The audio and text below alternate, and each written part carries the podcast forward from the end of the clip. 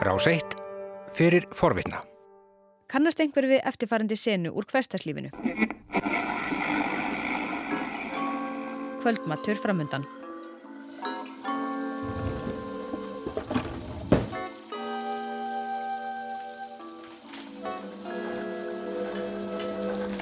Í eldhúsinu er verið að steikja, hræra og sjóða.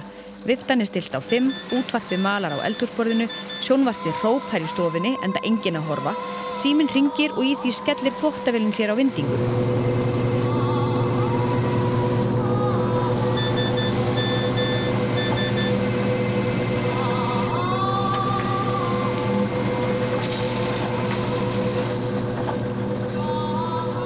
Og allt í einu verður háfaðinn óbærilegur. Einhver á heimilinu tekur ákverðun, slekkur á öllunum útvarpinu og bæði hugur og hlustir fá kvíld.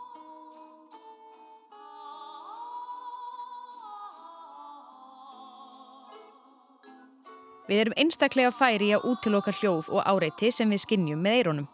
Hugurinn kemur til hjálpar því eirun eru alltaf opinn og geta ekki varið sig líkt á augun. En með hjálp hans náum við að hunsa þau hljóð sem ekki skipta máli og líklega ættu við erfitt með að komast í gegnum daginn ef við varum meðvituð um öll þau hljóð sem er í kringum okkur. Mannsröttin er einn tegund hljóða sem við heyrum á hverjum degi. Hún er allstæðar og allt umkring og við eigum erfiðara með að útiloka hana en nokkur önnur hljóð í umhverfinu.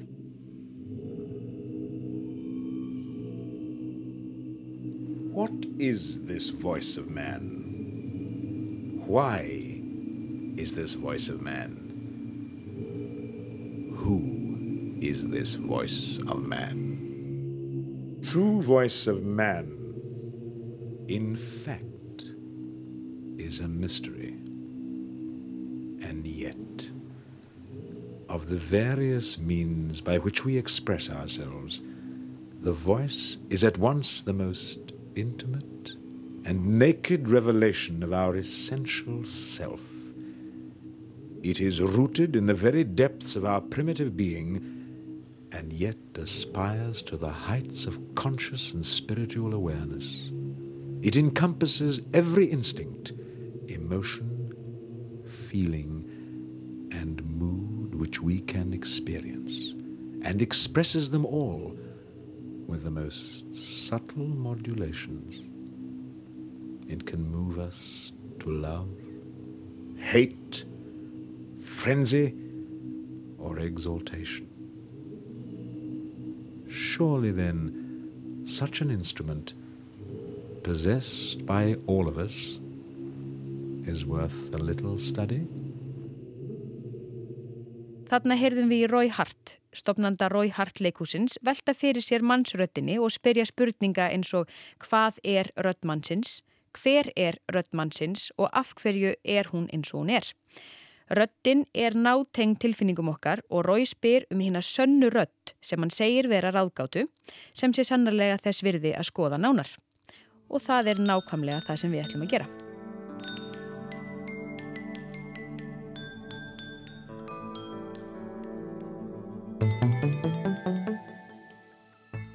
Er oft sett sama sem merki á milli rattarinnar, hvernig hún hljómar og hvernig henni beitt og þess sem sagt er, það er orðana sem við veljum að segja. En hér verður dreginn fram sérstaða manns rattarinnar, ekki tungumáls eða orða, heldur rattarinnar. Þessa heitlandi fyrirbæri sem við notum til að láta í okkur heyra. Hraði, áherslur og styrku rattarinnar skiptir öllu máli fyrir merkingu orðana.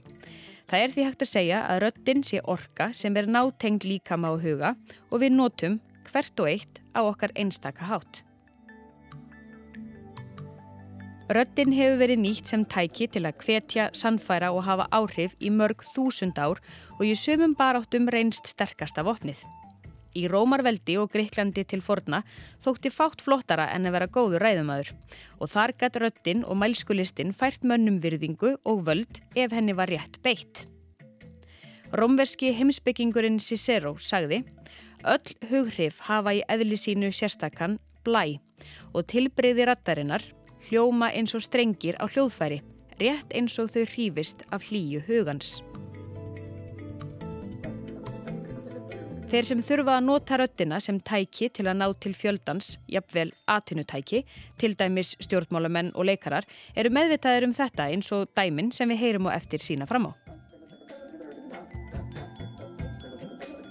Við lesum í rattir, skiljum þær yfirleitt ómeðvitað. Við lærum að ákveðin tegund af rött þýði ákveðina hluti, líkt og við lesum í svipriði fólks. Eða eins og romverski mælskulistamæðurinn Quintilian sagði, hver einstaklingur hefur sína einstöku rött sem eirað greinir jafn auðveldlega og augað greinir andletstrætti. Á sekundubrótum getum við átta okkur á því í hvaða ástandi manneska er með því að heyra rött hennar. Er hún hrætt, stressuð, glöð, í uppnámi, reið eða ásakandi. Allt þetta er hægt að lesa út úr röttinni því að hún er svo tengd tilfinningum okkar.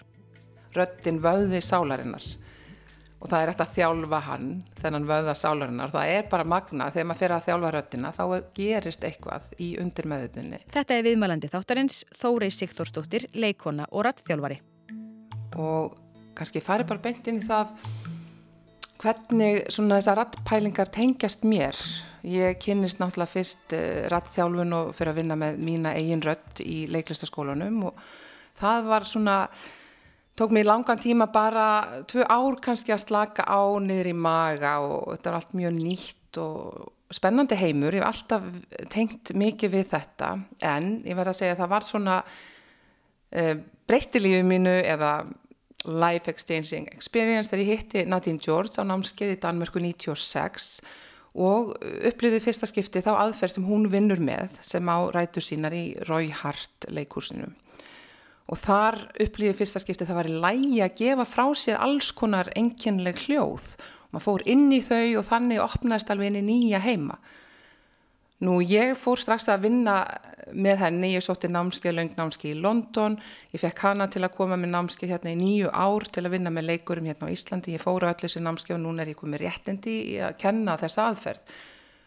Og uh, annars vegar er þetta mjög mögnuð aðferð til að fara inn í listrænuhliðina, uh, að vinna með leikteksta, en það sem ég fundi á sjálfur mér í gegnum tíðina er líka það að að þetta hefur á sama tíma mjög umbreytandi áhrif á mann sjálfan persónulega að fara svona djúft líkamlega í gegnum röttina. Og svo tenging var eiginlega það sem kveikti mína þörf fyrir því að koma svo áfram að fara að kenna þetta. Ég var ekkert að hugsa um að verða rattkennari en bara neistinn í þessari vinnu er það sem að kveikti í mér og, og þess vegna er ég núna, gerir mjög mikið af því að halda alls konar námskeið. Þessum kjarnin er þetta að tengja við sjálfa sig í gegnum röttina og það er mjög aðtilsvært að skoða hvaða áhrif það hefur. Því að ég fengi til dæmis þegar við haldið námskeið þá er kannski verið grafískur hönnur sem setna sagði mér, vá ég fór alltaf beint á kaffehús og tekna og tekna og teknaði og þetta kveikti svo sköpunarkraftin bara þegar þú ert komin einhvern veginn í þína miðju búin að tengja gegn rötnina sem er svona þetta stærsta sjálf, mjög mikið sjálfsmyndin í því kveikir á þessu, ferður haustum í líkamann að þá getur við unnið þaðan og tekið það í allar áttir. Og til dæmis er einn kennari sem að kennir saðferði í Skotlandi í Glasgow hún hjælt sirpu af eh, námskeiðum fyrir rittöfunda og það var bara svona reyfing af skrifum eftir það, þá unnuð þeim röttina, fóru síðan og skrifuð í staði sem fara að vinna við senuvinnur. Nú ég prófaði síðan að halda námskeiðar sem við gerðum það sama. Við unnum með kjartan í æfingunum en síðan setni hlutan í staðis að fara í leiktekstan þá fórum við að vinna með hugmyndunum það hvernig maður tekst á við breytingar með mannesku sem var svona í persónleiri eh, vinnu lagðinn hugleðslur og hugmyndunum það hvernig maður hefur sér upp úr hjólförunum til að fara einhver aðra leiðir í lífinu.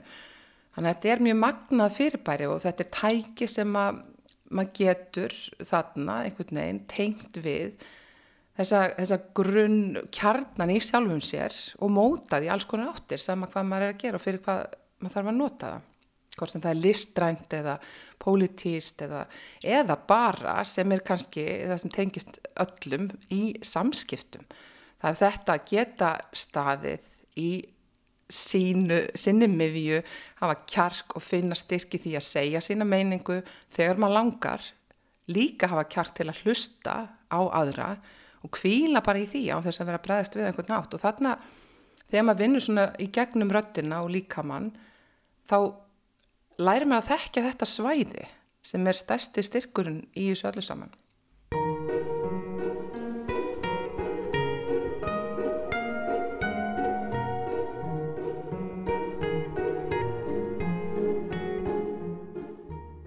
Við gerum það alltaf ómeðvitað, við grýpum mjög mikið fólk uh, og mótum hugmyndur okkar um það eftir hvernig rödd þeirra hljómar. Við höfum mjög staðlegar ímyndir oft um það svona stór styrkurödd, það er svona persóna, veikurödd er svona persóna og yfirleitt neikvæðara og þar komum við líka inn á þetta kall og kvenni element.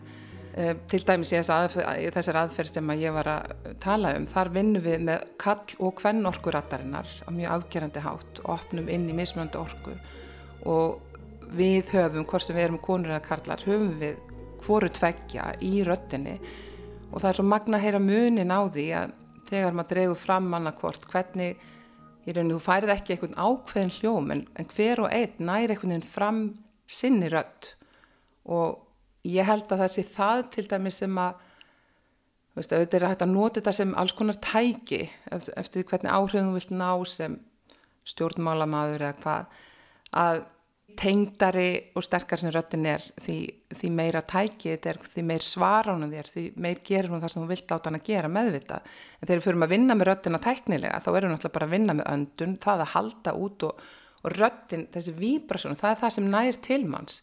Ef að röttin nær að hljóma út og hefur þessa víbrósun í röttinni þá nær hún að snerta þann sem hlustar.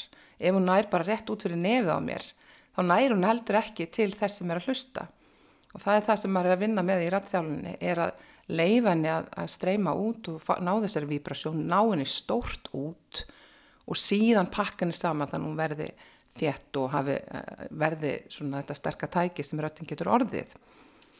Um, en svo líka aðtilsvert að, að yfirleitt þegar maður byrjar að vinna fólk hefur ofslega ákveðnar hugmyndir um röttina sinna oft fyrst fólki erfitt að heyra sig tala það hefur stundu fengið einhverja setningar á sig sem að bara svona klessast við og far ekki neikvæða setningar um það hvernig röttin er.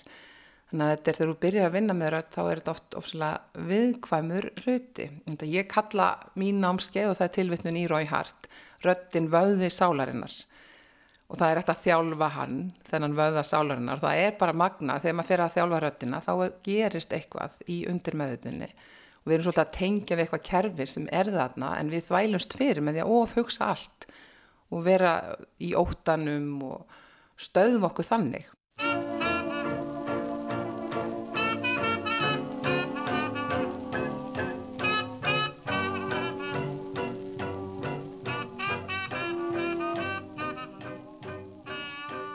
Í bóksinni The Voice, The Story of a Remarkable Talent segir Ann Karpf frá nokkrum áhrifamiklum stjórnmálamönnum á 20. öldinni sem nýttu röttina til að ná til almennings. Hvernig þessar rattir voru þjálfaðar og hvernig ofinbera ræður voru uppbyggðar svo að þær yrðu sem áhrifamestar. Fyrsta dæmið sem við skoðum er rött Franklin D. Roosevelt, fyrirverandi bandaríkjafósetta sem nýtti sér útvarpið og þar leðandi röttina til að ná til fólks. Hann spjallaði við þjóðina á engar notalegan hátt, já ef ekki bara heimilislegan, enda hlaut þetta útvarpsspjall nafnið Fireside Chats. Roosevelt tók við ennbætti árið 1933 í miðri kreppunni miklu. Þann 12. mars 1933 talaði hann í fyrsta skipti til fólksins í útvarpi og útskýrði í þeirri útsendingu stöðumála svo allir skildu. Þá höfðu bankar verið lokaðir í að minnstakosti 8 daga, atvinnuleysi orðið 25% og jógst stöðugt og mikil óvisa ríkti í samfélaginu. Engin vissi hvað var að gerast. Ladies and gentlemen, the President of the United States. My friends, I want to talk for a few minutes with the people of the United States about banking. To talk with the comparatively few who understand the mechanics of banking, but more particularly with the overwhelming majority of you who use banks for the making of deposits and the drawing of checks. I want to tell you what has been done in the last few days and why it was done and what the next steps are going to be. I recognize that the many proclamations from state capitals and from Washington, the legislation, the Treasury regulations and so forth, couched for the most part in banking and legal terms, ought to be explained for the benefit of the average citizen. First of all, let me state the simple fact that when you deposit money in a bank, the bank does not put the money into a safe deposit vault. It invests your money in many different forms of credit, in bonds, in commercial paper, in mortgages, and in many other kinds of loans. In other words, the bank puts your money to work to keep the wheels of industry and of agriculture turning round. Þetta útvarspjall nýtti Roosevelt sér í kreppunni og síðar í setni heimstyrjöldinni og náði alltaf 79% hlustun þegar mest var og toppaði auðveldlega vinsælustu útvarstætti bandaríkjana. Í umsögnum hlustenda um útvarpspjall Roosevelts segja margir að þetta hafi bókstallega verið eins og að hafa hann inn í stofu hjá sér, að spjalla bara við arinnin og nafnið því engin tilviljun, Fireside Chats, sem mætti þýða sem arinspjall. Roosevelt notaði útvarsmiðlinn mikið eins og áður sagði og ekki síst eftir að hann var komin í hjólastól. Hann vildi ekki að sjúkdómur hans og svo staðrind að hann var bundið með hjólastól dræjaði sér aðtegli eða breytti ímynd hans í hugum fólksins og því notaði hann röttina og útvarpi til að koma skilabóðum á framfæri. Röttin hafði ekkert breyst og hafði enn sína stöðu meðal fólksins. To see Herr Hitler, the mythical wizard of Oz. We hear he is a whiz of a whiz, a son of a by gosh. Rödd Adolfs Hitler er annað áhugavert dæmi. Rattgreininga sérfræðingar hafa greint hana á mælt og fundið út hvaða áhrif hún hafði og af hverju. Þeir taka mið af því hvernig hún var notuð og hvernig hún hljómaði orka, tónhæð, áherslur, taktur og áferð og þá sérstaklega tíðnin. Tíðinni vennjulegu rattar Hitlers var 228 výbringar á sekundu á meðan tíðinni rattar hjá mjög reyðu manni er 200 výbringar á sekundu. Þetta gerir það verkum að rött Hitlers hafði svipuð áhrif á þá sem hlusta eins og þegar flöytaðir á mann óvænt með bílflöytu. Það er að segja, hún er eins og einhvers konar árás eða ógn. Og viðbröð okkar sem verðum fyrir þessari árás eru aðtilisverð. Annarkvort hlýðuru, fylgir með eða breytist í bráð, eins konar fórnalamp. Viereinhalb Jahren Krieg und in langen Jahren meines politischen Lebens hat man mir eines nie vorwerfen können. Ich bin noch niemals feige gewesen.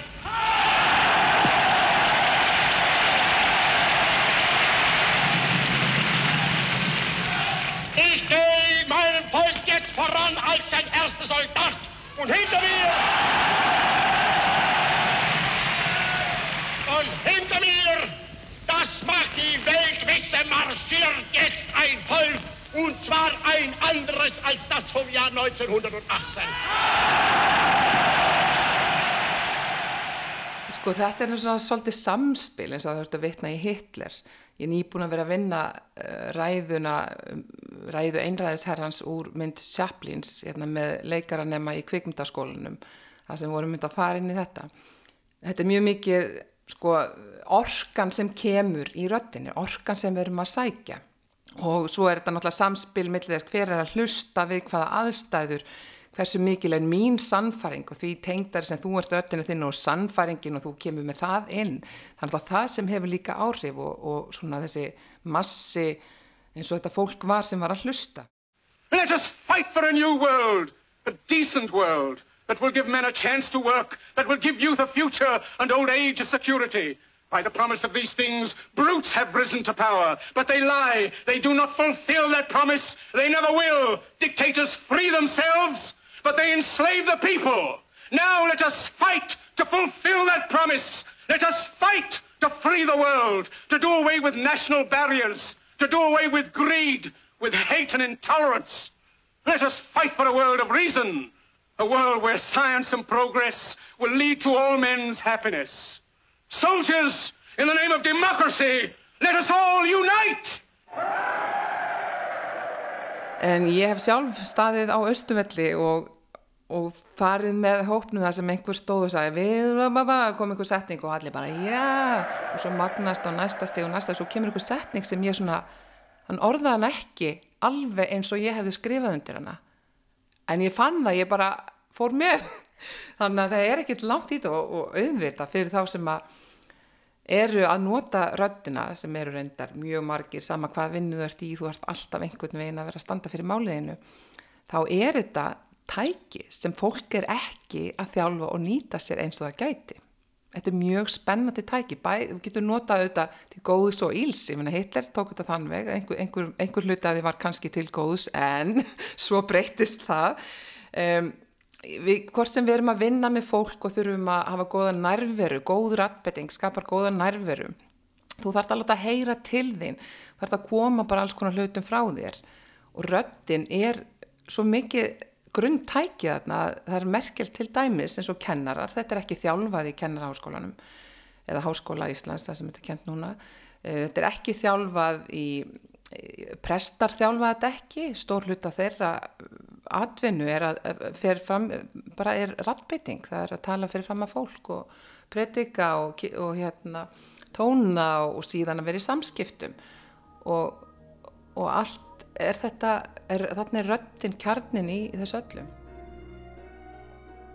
Hljómur ratta skiptir miklu máli í samfélaginu. Til eru óskráða reglur um mismunandi rattir karla og hvenna og mikil frávik þykja ekki ásættanleg. Í stuttumáli, konur eiga hljóma eins og konur og karlar eins og kallar, hvernig sem það svo sem er. Rött konunar hefur mótt þóla allskynskagrinni og fordóma. Hún hefur verið talin rött tælinga, hins léttvæga, slúðurs, svo ekki sem nú minnst á þar fullirðingar að rött hvenna sé svo tengt tilfinningum að hún geti ekki talað fyrir alvöru málum. Hillary Clinton hefur verið gaggrind harkalega fyrir sína rött. Í upphafi fyrir að vera of mikil kona eða tala eins og pirrandi húsmóðir og umtalsefnið þótti í stíl, brúðkaup, börn og jóka. Þegar hún hóf sinn pólitíska feril þurfti að breyta í myndinni og skyndilega hljómaði hún eins og vélmenni. I don't feel no ways tired. I come too far from where I started from. Nobody told me that the road would be easy. I don't believe he brought me this far to leave me. Rattsérfræðingar segja að Ímynd Hillary hefði breyst úr eiginkonu yfir í tilfinningalausan sérfræðing sem leysir vandamál og hún gerir allt til að sína fram á að tilfinningar eru ekki með í för. Hún fór að leggja áhörslur á orðin sem hún sagði og var að segja á tónfallinu en tónhækkun og lækkun er yfirleitt tengt tilfinningum. Þegar Hillary var svo frambjóðandi í forvali demokrataflokksins til fósettakostinga í bandaríkjónum þurfti enn að breyta til. Fólk var búið að dæma hana algjörlega tilfinningalösa og fann ekki til nokkurar samkendar með henni. Svo í dag er hún orðin mikri í röttinni, afslappari og personleiri og talar við fólk en ekki á það.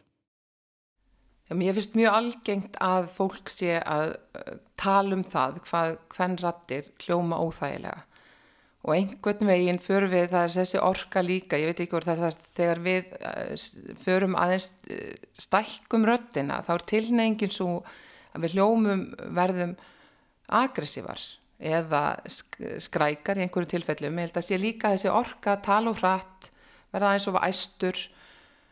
Um, og það sem gerist kannski líka, ef við lítum á það inn á alþingi, auðvitað eru konur ofta í þessum valdastöðum að fara inn á hættusvæði, þar að segja þær eru að fara inn á svæði sem eru algjörlega karlæg, sem þýðir náttúrulega að þær eru öruglega stressaðri heldur um kallmenninir sem þýðir það er miklu líklega að það missi tenginguna við sína rött þegar þær eru að tala.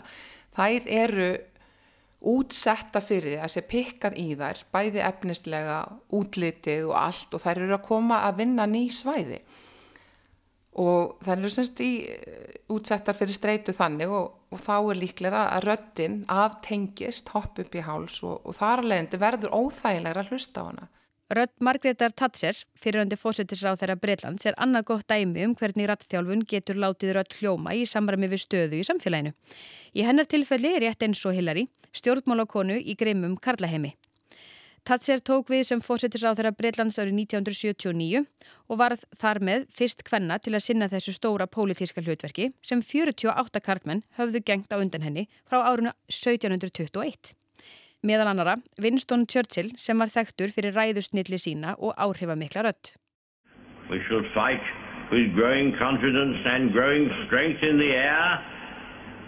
We shall defend our island, whatever the cost may be.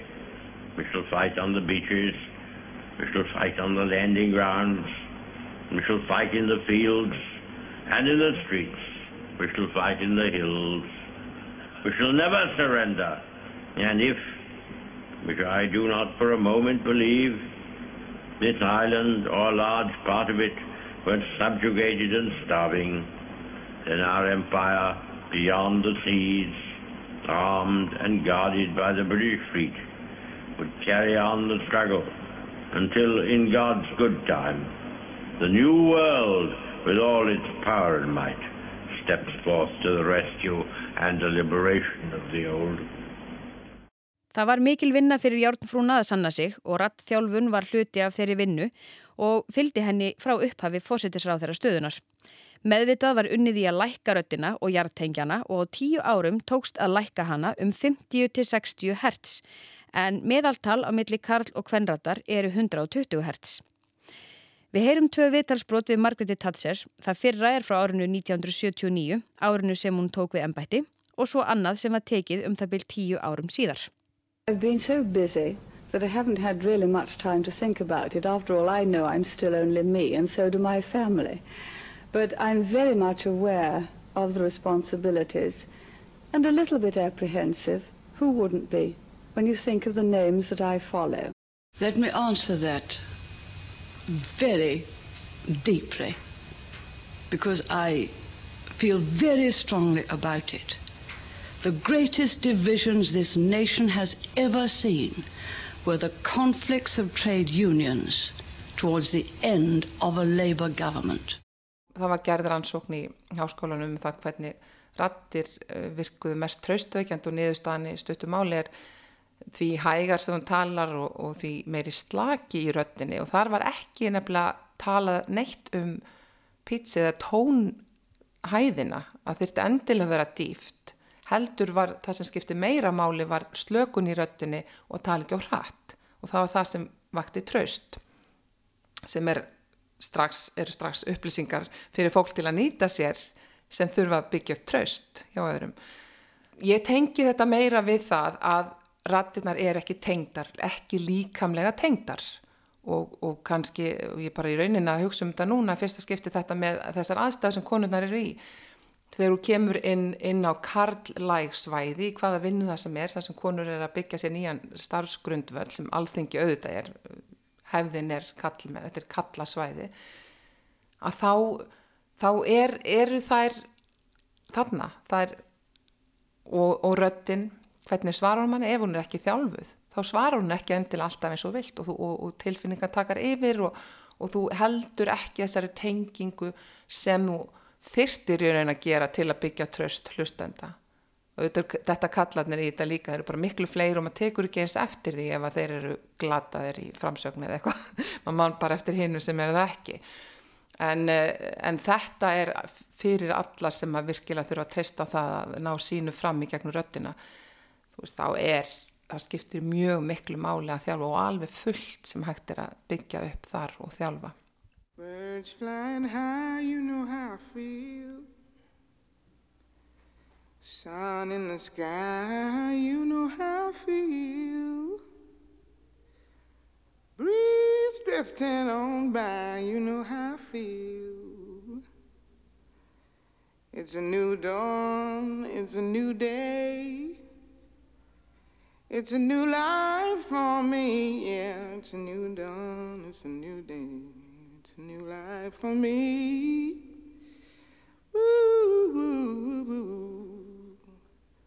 And I'm feeling good.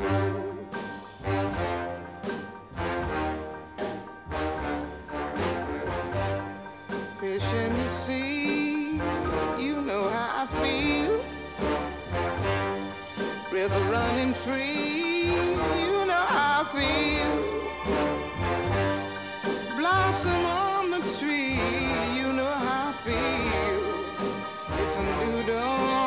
it's a new day, it's a new life for me, and I'm feeling good.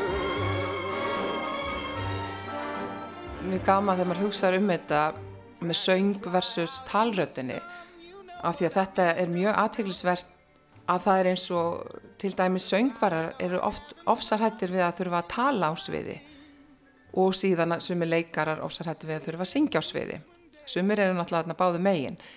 Þetta er sama tækið en það er eins og við snertum á einhverju öðru þegar við, þetta er söngur þannig að þú verður mjög berskjaldadur þegar þú syngur þarf þetta að opna röttina það mikið og þá verður berskjaldadur og ef maður hefur ekki þjálfa það að vera þar í, í þessari berskjöldun og treysta og það þá, þá verður maður hættu við að fara þanga en, en þegar þú þjálfar söng þá ertu mjög tæknilega að þjálfa það og raunin ekki endilega í gegnum tilfinningarnar. Og það er það sem ég er að, vísa til í eh, þeirri aðferð sem ég er að nota að maður svo fer svolítið mikið þegar þú færði gegnum líkamann þá ert að fara í gegnum tilfinningarna líka. Þannig að þú ert að byggja upp uh, tilfinningarlegan styrk og úthald líka í gegnum það að fara þannig. Og ég myndi segja kannski síðan getur þú farið með það í báður áttir. Um, Já, þannig að þetta á ekki við, það bara er mjög áhugavert að skoða af hverju þetta er ekki það sami hlutur en þetta er alls ekki, snertir ekki við sömu svæðum en, en hins vegar snertir þetta þannig hvortvegi, ég hef heyrt um fólk sem að, kannski allir þekkja náttúrulega að ef maður verður mjög traumatísera þá getur fólk bara mist röttina alveg. Og svo las ég einhvern tíman í viðtælum dæmi, það var kona sem misti söngröttina því að hún varð fyrir miklu áfalli, missir svonsinn og um, í, í, í hörmulegu slisi og hættir að geta sungið, missir ekki talröðina og sumir segja að maður getur ekki sungið ef maður líður mjög illa en þá kemur strax í hugan byrju en hvað með blúsin? Þannig að sumir syngja til að fá útrást fyrir sorginu já, þetta er bara mjög spennandi heimur. Marga liðar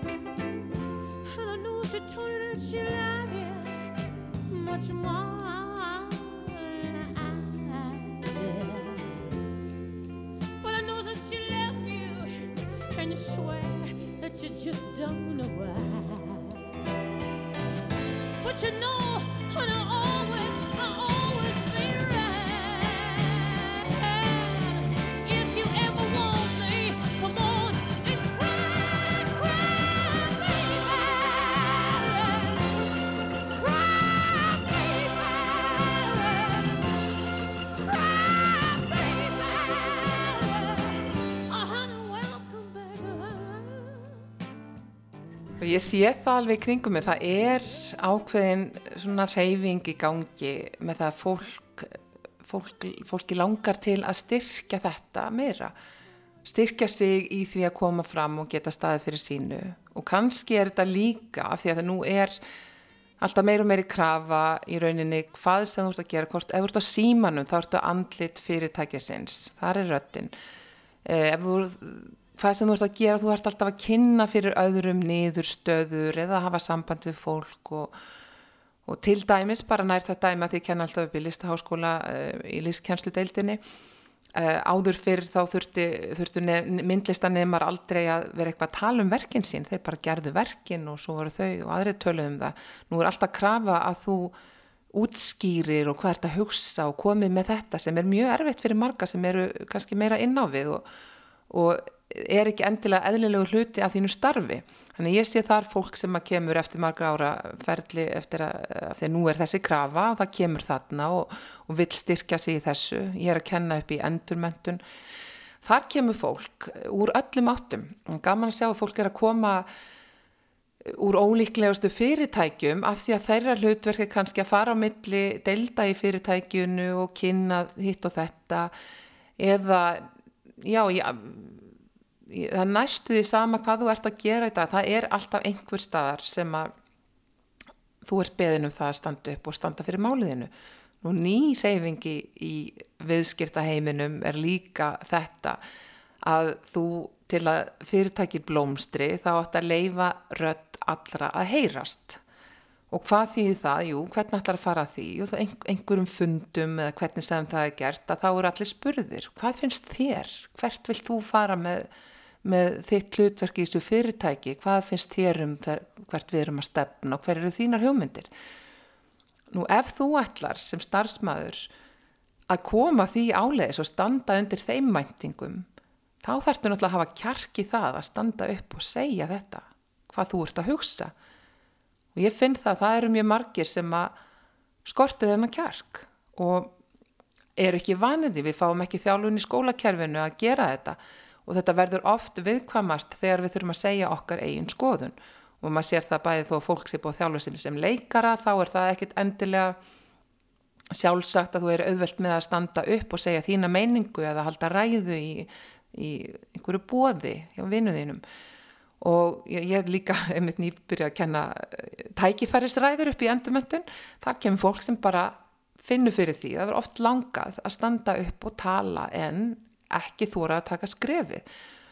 Og ef við erum bara að tala um svona lífsgæði þá það að, að hafa kjark í það að standa upp, opna munnin þegar mann langar, enginn að segja maður eigi alltaf að vera að því því að það er líka ákveðin kunst að taka við og hlusta. Hinn hliðin á rattbytningunni er að geta hlusta, það er notað virka hlustun. En að, að sleppa þessum augnablikum þar sem mann langar að deila einhverju sögu eða, eða skoðun en maður gerir það ekki af því að maður treystir sér ekki til þess og það sleppur og fer og, og, og núna, svo getur það líka bara farið að skipta virkilega miklu máli í þinni vinnu þannig ef að þú ert ekki að standa undir þeim væntingum hjá fyrirtækinu hvað gerst þá? og það sem að fólk náttúrulega finnur að þegar þú ert búin að ákveða að standa upp eða að fara að segja eitthvað að fara hugmyndinu komin að þá byrjar, þá fer hjartslátturinn í gang öndunin gringar hendurna fara að titra fætutnir skjálfendið er og, og þetta er svo mikið vanlíðan sem fylgir þessu. Og uh, þar að leiðindi bara þú reynir kannski einu sinni en treystir ekki aftur eða einhverju sem hafa þetta hlutverki fyrirtækinu og það er bara andöku nótt fyrir hvert skipti sem þú veist þú þarfst að fara að flytja fyrirlestur á morgun. En góðu fréttinu eru að það er ekkert mál að þjálfa þetta. Þetta er bara eins og líkamsrækt. Veist, ef að vöðin er slappur en maður fer að gera æfingar þá nærmar vöðunum upp og í form. Og í svona þjálfum þá fer maður í gegnum öndunaræfingar þetta taka rými, hvernig maður ber sig og lætur röttin að hljóma. Og þetta er bara tæknaæfingar sem maður endur tekur aftur og aftur og veist, það þarf ekkit langan tíma til að maður sjáu strax mikinn mun og ég er að sjá það hjá mínum nefndum að þetta skila sér mjög hratt og svo þetta sumur í það að vilja vefa þetta svona inn í sinn lífstíl að vilja hafa þetta tæki með sér sem röttin er sem er frábært og spennandi tæki alla, sem allir hafa af náttúruna hendi. Af hverju heldur þetta sé svona erfitt fyrir marga? Er það því þetta er svo tengt sálinni og tilfinningunum okkar? Já, þetta er náttúrulega, röttin er svo óbúslega stór hluti af okkar sjálfsmynd og er náttúrulega hluti af þessu ósjálfráða kerfi sem er svo frábært þegar það er rétt hengt en vinnur algjörlega mót okkur um, þegar það er ekki, þegar það er á skjön eða úr jafnvægi eins og hugsanir okkar sem eru frábærar og heilin þegar allt gengur vel. En þegar hann komin á skjön eða við erum komin í óttan þá fer kerfið að vinna mót okkur af því að það heldur að segja bjarga okkur úr hættu aðstæðum. Og við lendum einmitt í skemmtilegum umræðum þetta að hérna einhver segi hvað, hvað, hvað er þetta? Þetta þegar að bara allt í einu e, röttin köttast bara við hálsin og næri ekki dýbra og ég held að sé það að þú veist, þú getur e, þú ert við erfiðar kringumstæður til langar að láta þig hverfa.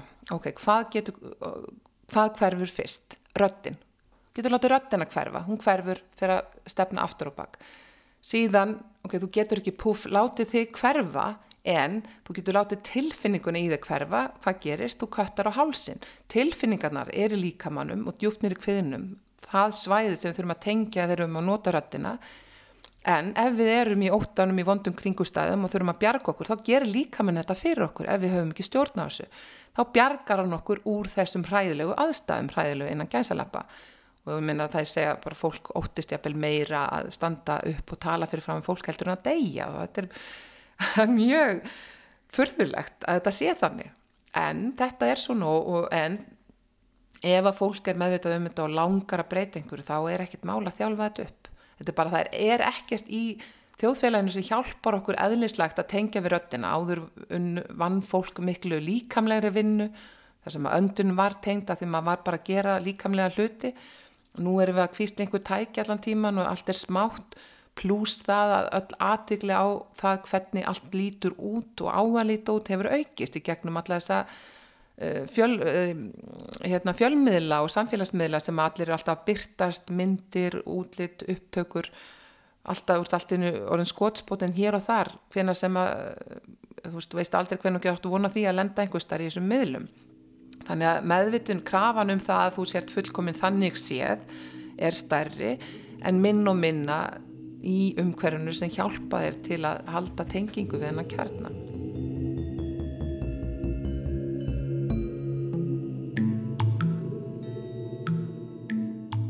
Það er einhver reyfing í þessa átt og almennt auðvitað þetta, þetta að í öllu þessu fjölmiðla æði þetta að fólk finnir sjálft sig í þessari ringuðu allir saman. Og, og hvað er kjarni? Það er ímanns eigin rödd. Mannsröddin. Mannsröddin. Mannsröddin. Hillandi fyrirbæri. Hillandi fyrirbæri. Þú varst að hlusta á hlaðvarpsþátt frá Rás 1. Eftir langar til að heyra meira, farðu þá á rúf.is skástrygg hlaðvarp eða spilaran á rúf.is skástrygg útvarp. Rás 1 fyrir forvitna.